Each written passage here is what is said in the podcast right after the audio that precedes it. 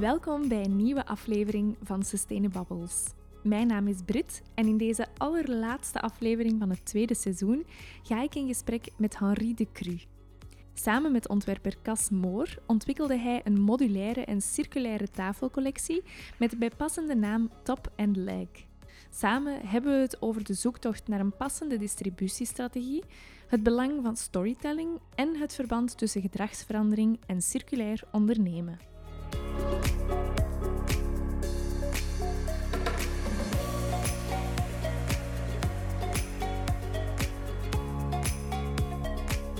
Welkom Harry aan mijn keukentafel vandaag. Dank u.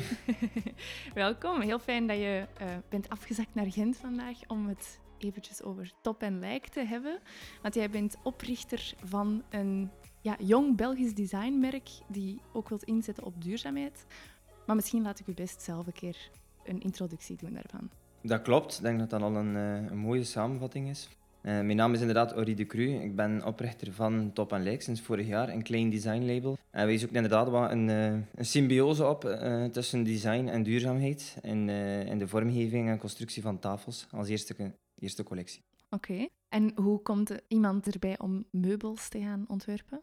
Wel, ik denk dat dat natuurlijk eerst en vooral mijn persoonlijke achtergrond is, mijn familieverhaal. ik denk dat we kunnen terugkeren naar de broers, de tweeling van mijn overgrootvader. Die hebben een eigen meubelfabriek opgestart in Rumbeke in West-Vlaanderen. Mijn opa is er altijd werkzaam geweest bij Meubel de Cru. Uh, mijn papa is er ook werkzaam geweest en is dan uiteindelijk met het verdwijnen van de meubelfabriek zelf uh, gestart als zelfstandig agent, vertegenwoordiger binnen de meubelindustrie. Uh, dus dat meubel zijn, ja, dus, dat zit er ergens een soort van mee ingegeven in, uh, in DNA, ik weet het niet. Um, maar natuurlijk, doordat je erin opgroeit, ja, je, je ziet het altijd voor u. Hè. En heel vaak in gesprekken gaat het ook wel over dat meubel. En uiteindelijk is dan wel ergens, zou je kunnen zeggen, toch dat je terugkeert naar die, naar die basis, naar die kern. Dus daar, uh, daar zit ik me eigenlijk nu ja, dag, dagelijks over, uh, over na te denken en, uh, en dat proberen bepaalde zaken te zoeken waar dat ik bij mezelf denk van, tja, ik denk dat dat, dat, dat misschien wel een keer beter zou kunnen. Ja, of beter zou moeten. En wat waren de zaken waarvan dat jij zei, volgens mij kan dat beter? Wel, sowieso zien we een aantal verschuivingen. Um, hoe dat mensen een meubel kopen, ik denk dat dat er al volledig anders uitziet dan 20, 30 jaar geleden. Eigenlijk zou ik heel graag een keer kunnen tijdreizen en weten van iemand die anno 1980 of 1960 nadacht over een meubel. Hoe ga ik dat gaan aankopen? Waar hou mee bezig in die zoektocht ook van een meubel? En op dit moment, anno 2020, met verschillende alternatieven dat er vroeger nog niet bestonden, zoals mm in IKEA, mm -hmm. die eigenlijk een eerste innovator en disruptor was in die markt, om alles eigenlijk heel democratisch te gaan maken, puur dan vanuit die, uh, die massaconsumptie en die schaalvoordelen tot bij de consument gaan brengen. Aan de andere kant zien we nu ook op dit moment de keerzijde van die medaille. Door het feit dat IKEA zo toegankelijk is in prijs, gaat je eigenlijk heel snel ook je aangekocht meubel terug gaan wegwerpen. En dan eigenlijk niet meer gaan nadenken, tweede cyclus, wat gebeurt er met dat meubel? En dat is uiteindelijk mijn grote droom geworden, om een meubel te kunnen ontwerpen met een, met een gedachte, met een idee, met een droombeeld van dat meubel zou zo lang mogelijk moeten kunnen meegaan met de persoon die dat meubel aankoopt. En voor mij natuurlijk, ik heb meer mijn bedrijfseconomische achtergrond, mijn eerste keuze was met welke ontwerper ga ik samenwerken. En met Cas zat dat eigenlijk van, van heel snel al vrij goed ook naar filosofie en golflengte toe, bepaalde gesprekken dat we hadden over materiaal, over vormgeving, over meubel, wat dat er heerst, wat dat er reilt en zeilt op die markt, wat dat er kan veranderen, voelde ik van, oké, we denken op een of andere manier in eenzelfde richting. En ik denk dat we zo eigenlijk wel een, uh, ja, een goede tandem zijn geworden samen. Kas iets meer vanuit de ontwerptechnische uh, en ik zelf iets meer vanuit het bedrijfseconomische. -hmm. Ja, het resultaat is vandaag top en lijk en jullie baseline is Furniture for a Lifetime. Wat mag ik daaronder verstaan? Wel, een meubel dat hopelijk zo lang mogelijk met u kan meegaan. Een meubel dat een leven lang met u kan meegroeien. Vanuit uh, ontwerptechnisch een modulair nadenken van een meubel, een modulaire constructie van een tafel, waarbij je heel gemakkelijk en heel snel uw tops en uw lijks kan gaan aanpassen naar veranderende behoeften in uw woonst of interieur. En modulair is dan al heel snel een idee die, die al heel vaak is toegepast in het verleden ook. Um, design for assembly or disassembly. Gemakkelijk te monteren, gemakkelijk te demonteren. Is veel interessanter ook naar transport toe. Flatpack, iets kunnen verpakken. En het is gemakkelijker aanpasbaar ook in uw leven. Mm -hmm. Dus die tafel ziet er opnieuw nieuw anders uit. Uh, uw interieur evolueert en kan mee evolueren. Maar je hoeft niet per se mee te doen aan de rat race van, eh, van de vuilnisbelt. Mhm, Ja, oké. Ehm, mag ik zo frank zijn om te vragen wat dat een tafel gemiddeld bij jullie kost? Naar aankoopprijs toe zit het menu tussen een, een 1750 en een 2500 euro. Mhm, Dat is dus zeker een bepaalde prijsklasse die al een aantal mensen uitsluit, denk ik, in de keuze van een tafel. Ehm, aan de andere kant eh, hoop ik ook door het verhaal te doen ehm, dat mensen sneller en beter begrijpen waarom maak ik nu die keuze en dat ze die keuze ook durven maken op lange termijn. Mhm, En uiteraard is dat een grotere uitdaging dan een aantrekkelijke prijs in IKEA. Eh, maar het is aan mij om mensen te overtuigen van, eh, van die kwaliteit, van die materialen, eh, van alles dat we eigenlijk investeren om het toch maar goed te kunnen doen. En zo weinig mogelijk compromissen te sluiten op die kwaliteit. mhm. Ja, je zegt daar de lange termijn. Je moet eigenlijk mensen hun denkpatroon over meubels terug veranderen dan, hè? als ik het goed begrijp. Ja, dat is een interessante vraag. Ik ben niet zozeer iemand die graag ideeën van iemand anders verandert. Oké. Ehm, maar ik leer ze wel graag begrijpen. Dus ik vind het heel interessant om mensen nu een aantal vragen ook te stellen als zij tot bij ons komen in de showroom. En ik zie wel een aantal zaken terugkomen dat belangrijk zijn voor mensen. En dan is het ook altijd achteraf soms ehm, teleurstellend om te zien en te merken hoe dat mensen kiezen. Oké. Het wat- blijkt altijd veel meer korte termijn te zijn dan dat ze beweren. Mm, Ik zou het heel graag voor iedereen aanbieden, maar uiteraard, mensen die het nu effectief hebben aangekocht, zijn die tweeverdieners, jonge gezinnen, die inderdaad een, eh, ik zeg dat heel vaak zo, de IKEA-fase wat ontgroeid zijn. En daar denk ik dat we heel veel verandering al kunnen teweegbrengen. Terwijl die mensen die 25 of 30 jaar zijn, inclusief mezelf, ik kan dus eigenlijk mijn eigen tafel bijna niet veroorloven naar prijsklasse toe. mhm, Maar het zijn ook wel die mensen, denk ik, dat we kunnen overtuigen, zonder dan hun eigen ideeën en die leefwereld en die gedachtenwereld te willen veranderen, maar gewoon te zeggen, van, kijk, wij doen dat op die manier en hopelijk kunnen we op die manier mensen gewoon positief meenemen in een verhaal en inspireren van het hoeft niet altijd zo te zijn. Er zijn effectief alternatieven, maar uiteraard komt dat aan een bepaalde prijsklasse. Daar kan ik heel moeilijk buitenom, want dat Mhm. is altijd een, eh, een economische balans. mhm. En die duurzaamheid, is dat dan een verkoopsargument voor klanten die tot bij Top en Lijk komen? Wij doen dat niet op die manier. Dus ik heb daar ook zitten over nadenken van hoe kunnen we nu communiceren dat we duurzaam eh, ondernemen en dat we een duurzaam meubel aanbieden. Duurzaam blijkt een van de slechtste verkoopsargumenten te zijn in een meubel, want we hebben dat ook onderzocht en dat komt op plaats 7. Dus hoe dat je dan profileert in de markt, hoe dat je positioneert, wij hebben dan eigenlijk heel snel gekozen om ons meer te richten op die transitie van flexibiliteit en verandering en zo eigenlijk een eenvoudig en een flexibel duurzaam Mm, meubel op de markt te brengen. mhm. En dat blijkt iets beter te werken en daar kun je iets gemakkelijker een, eh, een ingang vinden om dan uiteindelijk ook heel vaak en veel meer te vertellen over, eh, over uw materiaal bijvoorbeeld. Mhm. Maar meteen beginnen over uw, uw duurzaamheid is soms voor veel mensen ook zo'n choker of een killer. Ja? Ja, omdat mensen emotionele wezens zijn. En die emotionaliteit zit hem ook in een meubel. Vormgeving, kleuren, alles wat we subjectief waarnemen, is volgens mij heel vaak heel dicht iets dat aanleunt bij emoties. En achteraf zeggen we van, maar het was een goede prijs-kwaliteitsverhouding. En dat is dan weer de ratio die spreekt, het meer trechterdeel van de hersenen, denk ik, van de mensen die werkt. Ja. Maar dat is natuurlijk ook de kunst, om dan iets op een heel mooie, esthetische manier te brengen. Mensen eigenlijk effectief te verleiden met uw meubel. En hopelijk ook een goede prijskwaliteit te gaan, eh, te gaan bewerkstelligen. Maar puur, dit is een duurzaam meubel. Dat is heel moeilijk om op die manier mensen te verleiden. Mhm. Heeft dat dan ook impact op de distributiestrategie? Hoe, hoe komen mensen in aanraking met jullie meubels? Ja. Dus dat is ook de one million dollar question. En uiteindelijk is dat ook wel een van de belangrijkste beslissingen dat je daar neemt. Die verkoopstrategie, die distributiestrategie, is eigenlijk het verkopen van je idee. Mhm. En wie dat dan dat idee doorvertelt, is volgens mij enorm belangrijk. Dat leer ik nu bij. Dus aan wie vertrouw je toe om de collectie uiteindelijk dan terug te gaan vermarkten en doorvertalen aan andere mensen? Op dit moment hebben we twee winkels, één in Antwerpen, één in Gent, die het verhaal doorvertalen. En ik vind dat ze dat doen op een persoonlijke en unieke manier, dat ik enorm heb apprecieer. En dat ik voel dat er een meerwaarde ook zit in die storytelling. Mhm. Ehm, is het alternatief? Ja, het is alternatiever, want de keuze van de retail is geen traditionele meubelwinkel. Maar op dit moment voel ik dat het ja, de persoonlijke aanpak, het unieke karakter en het verhaal achter het merk even belangrijk zijn dan de collectie aan zich. Mm, mhm.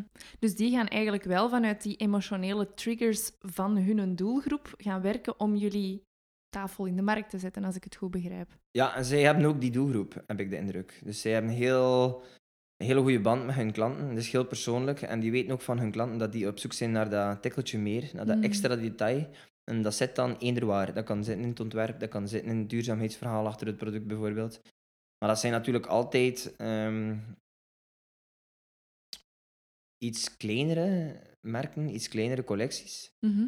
Dus verwacht daar zeker geen gigantische omzetcijfers à la een IKEA. Nee, tuurlijk. Ehm, dus iets meer de alternatieve weg richting verschillende producten. En hoe heb je die gevonden? Ben je daar bewust naar op zoek gegaan, naar zo'n partners? Of hoe is dat ontstaan? Een van de bestaansredenen is, eh, is Nikki de Schrijver toch wel, eh, van Kosh. Ehm, zij heeft mij in contact gebracht met de twee zaakvoerders en op die manier zijn we beginnen praten. En als ik begin te praten, dan begin ik soms veel te praten en dan begin het snel over te hoekeren in een samenwerking. En uiteindelijk was daar een goede klik, dus we zijn beginnen samenwerken.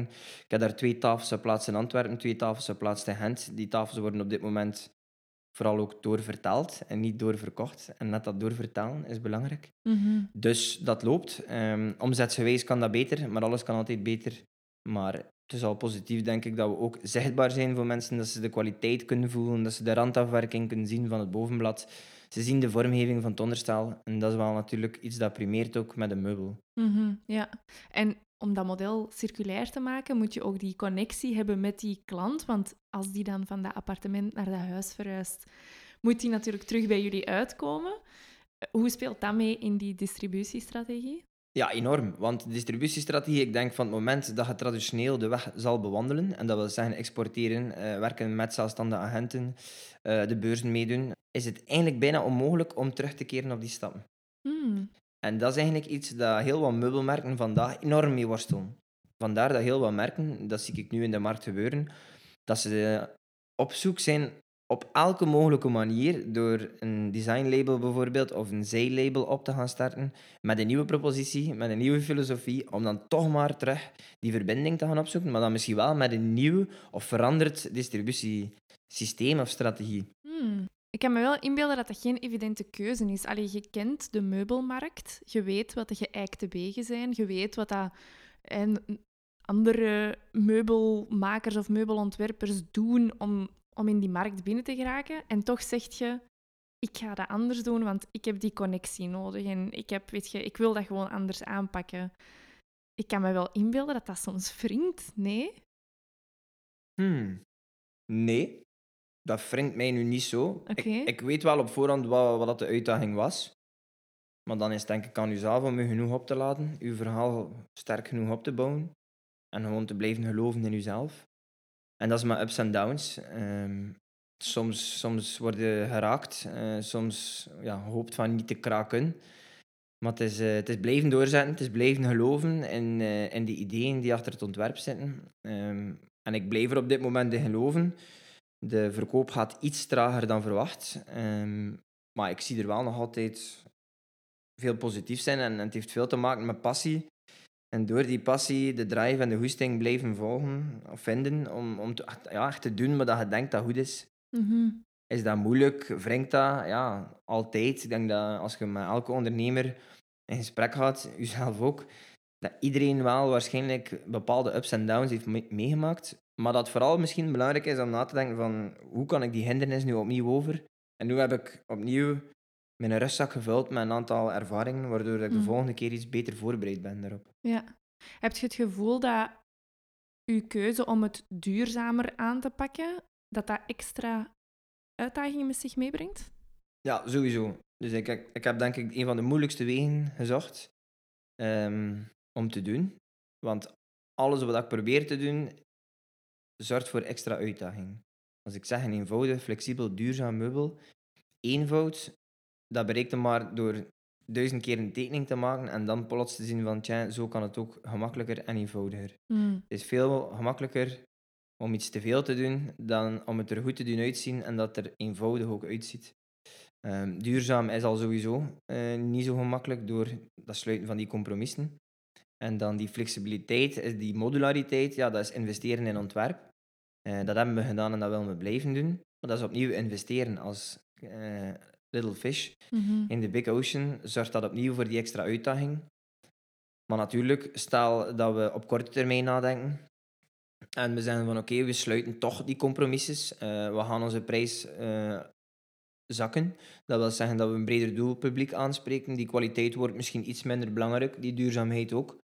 Wel ja, dan zijn je ook terug gewoon een mediocre player eh, in de Big Ocean. En dat, dat wil ik gewoon niet. Ik wil, ik wil dingen veranderen. Ik, ik hou van innovatie, ik hou van digitalisering, ik hou van ehm, mensen die anders nadenken over bepaalde zaken, waarvan dat geïnspireerd kan worden. En ja, dat passioneert mezelf. En ik denk dat dat wel ook af en toe zo'n little spark is, dat je zegt van, zalig, op die manier kon het ook wel. En was het moeilijk, Mhm. sowieso. Ehm, maar hebt toch tenminste geprobeerd. Mhm, ja. Dat kunnen ze mij al niet afpakken. Zeker niet. Ja, over die digitalisering en die innovatie, daar is jullie configurator ook wel een voorbeeld van, vind ik. Heb je daar ergens de mosterd voor gehaald of hebben jullie dat uitgevonden? Nee, zeker en vast niet. Dat bestond sowieso. ehm, is het een direct-to-consumer model. Spreek me over inderdaad connecteren met het vereenvoudigen van het samenstellen van een tafel op een digitaal intuïtieve manier. Die configurator is gebouwd met Nanopixel uit. Je ziet meteen visueel hoe dat je tafel er zal uitzien als je hem samenstelt met een top in eik en een onderstel in een, een poederlak in bijvoorbeeld een, een. Dan zie je meteen de prijs, de specificaties en visueel hoe dat je meubel eruit ziet. Ehm, aan de andere kant is het ook B2B, want het kan een verkoopsproces versnellen en vereenvoudigen. En het oriënteren bijvoorbeeld van een meubel, ik denk dat heel veel mensen online starten, dag van vandaag. Mhm. Toch bestaat het denken van een eigenaar van een meubelwinkel nog altijd niet op die manier. En dat begreep ik niet goed. Hmm. Want ik denk, onze generatie, ehm vergelijk nu uzelf met mij, 27 jaar. Ik denk dat wij allemaal online starten met whatever, dat wij, dat wij beginnen op zoek te gaan naar een bepaald product, of een huis, of een woning, of een meubel. Mhm. Ja, gek dat dat nog niet meer bestaat inderdaad in die meubelsector. Hoe komt dat, denk je? Dat is een vrij statische en conservatieve markt. Ehm, net daarom ook dat het leuk is om erin te innoveren en anders te zijn. Ik denk dat dat wel een, een reden is. Er zijn heel wat congressen over digitale marketing. Eh, ook op beurzen bijvoorbeeld ging ik heel vaak luisteren naar, eh, naar bepaalde spreekbeurten. En dan, dan begon ik soms echt te lachen in mezelf van, oh my god, zitten die mensen nog maar daar? Eh, hoe kan dat nu dat zij nog altijd op die manier daarover nadenken? Gewoon dat gedachtegoed. En ik denk dat dat waarschijnlijk met mezelf ook mee zal evolueren. Als je ouder wordt, denk je anders na over de dingen. En dan denk je ook altijd bij jezelf op dat moment, maar dat is de waarheid. Hmm. Zo kopen mensen een meubel aan. Maar sta er niet stil bij die nieuwe generatie die klaar staat, die kritischer is, die duurzamer misschien wil aankopen. En die zeker ook op een digitale manier wil geholpen worden met een, met een, in de zoektocht van hun product. Mhm. En daar proberen we ook wel weer terug de, de verbinding op te zoeken. Ja, Ik denk daar dat, dat ik wel mag zeggen dat we daarin slagen. ja, dat lijkt mij ook, absoluut. Ja. Wor- Wordt daar eigenlijk opgemerkt of wordt daarop gereageerd vanuit die klassieke markt of die gatekeepers uit die klassieke markt? Merken die jullie op? Zij vinden het positief, eh, dus dat is leuk. Er komen positieve reacties. En ik hoor ook heel vaak ehm, merken die zeggen, ja, we hebben er ook mee geëxperimenteerd, maar het werkte niet. En eh, dat is interessant. Als je zegt, het werkt niet, dan moet je gewoon de vraag stellen, waarom werkt het niet? Mhm. Het is omdat je iets fout doet. En wij zien ook al, die eerste configurator bijvoorbeeld, wij zien daar nu al de, de voordelen van en ook de nadelen. Dat kan op die manier gebruiksvriendelijk. Ik denk dat het ook, zoals met een ontwerp van een meubel, als met een ontwerp van een digitaal product, van een website of een webshop of een configurator, gewoon zo is, dat je moet blijven ondervragen. Mhm. En blijven verbeteren en blijven geloven in, het kan evolueren, het kan altijd beter. Eh, maar dat je niet gewoon op korte termijn mag zeggen, na zes maanden gebruik van, tja, het levert totaal niet op wat we verwacht hadden. Mm. Je moet genoeg geduld hebben en lang genoeg blijven vragen van op welke manier kan het worden ingezet ook, bijvoorbeeld, die Mhm. configurator. Ja, ik hoor u al een paar keer zeggen, je moet je geduld oefenen, je moet blijven jezelf de vraag stellen, hoe kan het beter? Tegelijkertijd zit je in de startfase van je bedrijf, heb je toch een zekere cash burn. Ja, hoe houd je dat in balans? Want je moet wel beslissingen nemen om een doorstart te kunnen maken, denk ik. Ja. Ehm, het is een balansoefening tussen niet panikeren, geen genoeg geduld uitvoeren en aan de andere kant blijven geloven, maar ook realistisch durven kijken naar je cijfers. Mhm. Ehm, je kunt ook moeder Teresa zijn en blijven gelopen, geloven in het goede. Ehm, ja, dat is mooi, eh, geloven in het goede. Maar ook realistisch durven zijn met je, met uw cijfers. Een klankbord hebben rondom jezelf als ondernemer. Eh, een bank die kritisch meedenkt met u.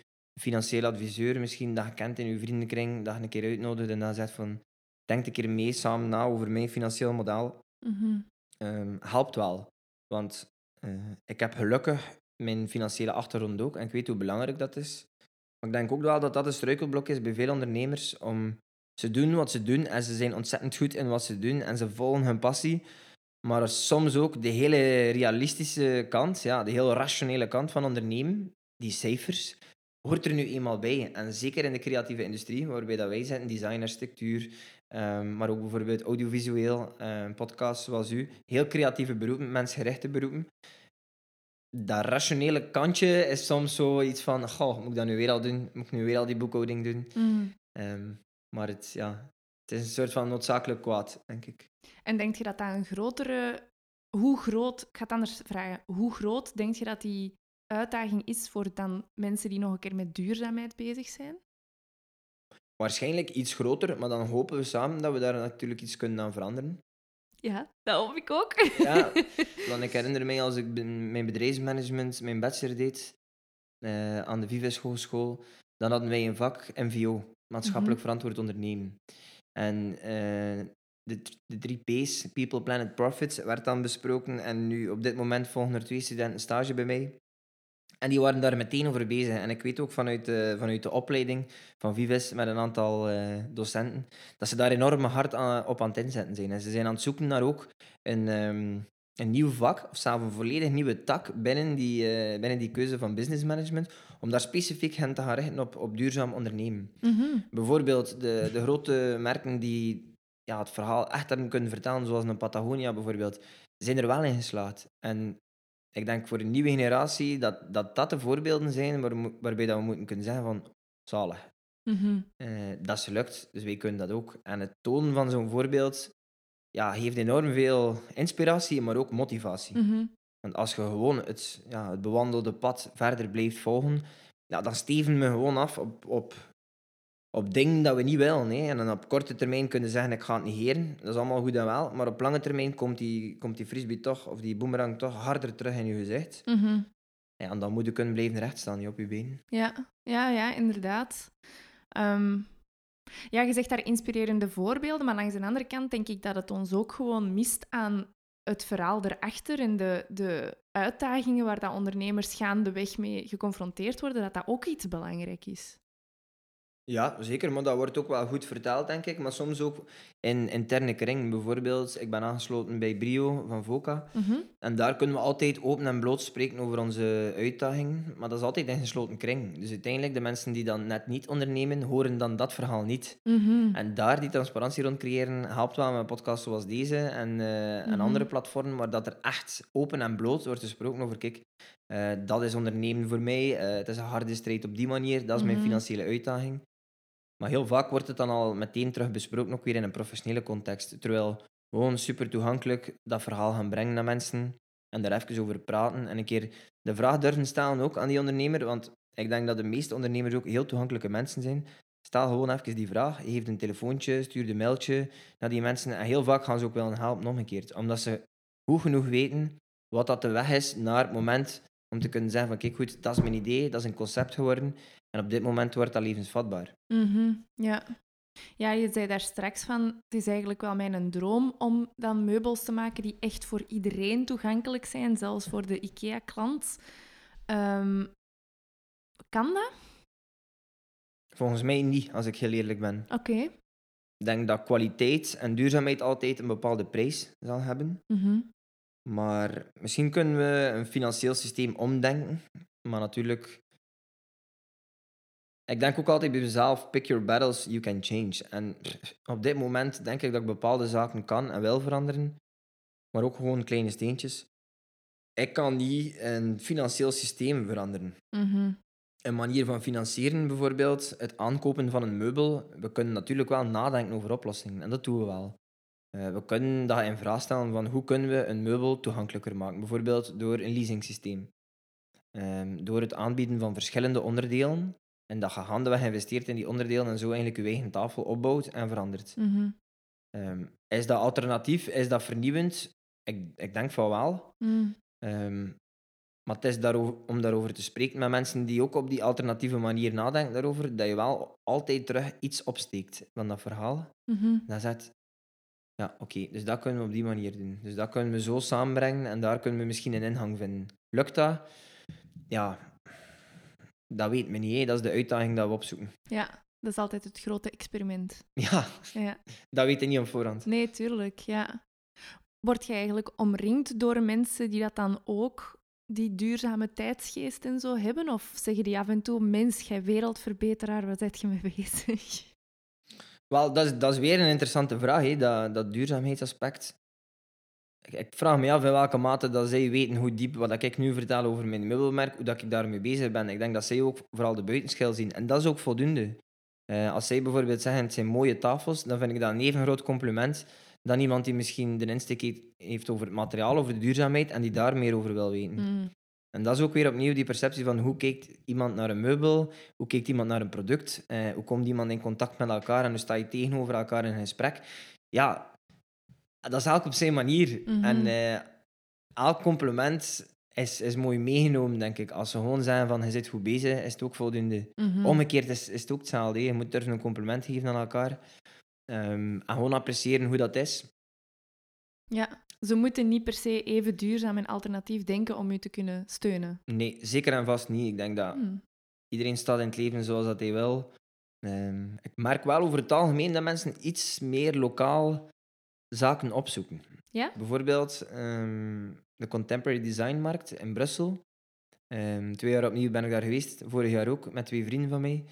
En er stond daar iemand eh, die tapijten ontwerpt en, eh, en maakt. En die zei, het is ongelooflijk wat ik dit jaar van vragen kreeg, dat ik het jaar ervoor bijvoorbeeld niet kreeg over mijn tapijten. Mo. En zij zit ook enorm in op, die, op dat ontwerp en op dat duurzaamheidsaspect. En nu plots komen die vragen veel meer dan vroeger. Dus voor haar, ehm, richting de verkoop, was dat super positief. Maar natuurlijk, die bevestiging van dat verhaal, dat weet ik goed genoeg, dat doet veel meer dan, dan puur die verkoop. Mm. Die verkoop is gewoon een gevolg van het feit dat er nu meer aandacht misschien voor is. Mhm. En dat komt en dat wordt ondersteund door Unizo, door Kooplokaal, door tal van initiatieven. Ehm, maar aan de andere kant is het soms ook dubieus, want koop lokaal en dan komt de, en dat is weer mijn kritische zelf, dan kijk ik koop lokaal, dan begin ik dat uit te zoeken wat dat product precies is en dan is dat totaal geen lokaal product. Ehm, ik kan zeggen dat mijn meubel Belgisch ontwerp is en Belgisch vervaardigd is, dat we, daar wil ik ook naartoe met mijn Mhm. partners. En nu vandaag lukt dat. En ik vind dat zalig om dat te vertellen, omdat ik weet dat het waar is. Als er dan een ander vertelt en die zegt dat is een Belgisch product, alright, dat is goed, ehm, maar is dat waar? Mm. Dan is het aan buitenstaanders om te gaan zien of dat, dat effectief waar is. En een Belgisch label bijvoorbeeld, Handmade in Belgium, dat is ook van, eh van Unizo uit, die gaan dat ook gaan, eh, gaan onderzoeken bijvoorbeeld. Mm. Maar soms denk ik ook van de mensen die dat constateren, is dat wel even kritisch als, als dat je soms zelf ook eh, daarover nadenkt. Ja, dat is ehm, stof voor allee, een volledige podcastaflevering, denk ik, als we het een keer willen hebben over zo certificaten en labels. En, eh, dat is nog iets helemaal anders. ja. Ja. daar ken ik zelf ook nog niet alles over hoor. Ik weet bijvoorbeeld bij eh, houtsoorten dat er al heel veel certificaten zijn, doordat Mhm. hout ook een eh, materiaal is die al enorm zijn positie heeft verdiend. Het is natuurlijk een van de meest ecologische materialen. Metaal ook, werken we ook mee, is enorm recycleerbaar. Ehm, maar het zijn vooral die nieuwere materialen dat dan vooral ook vanuit de vraagzijde veel mensen nog niet kennen. Biodegradable materialen bijvoorbeeld. Deze zomer ga ik nu twee weken naar Finland om eh, mee onderzoek te doen over Nordic product design, maar ook over biodegradable eh, materialen. En hoe dat je daar eigenlijk vanuit dat materiaal ook weer iets kan doen, is sowieso die nog niet echt gezien is. eh, en die sowieso weer absurd en raar zal zijn in het begin. Maar ja, why not? Oké, cool.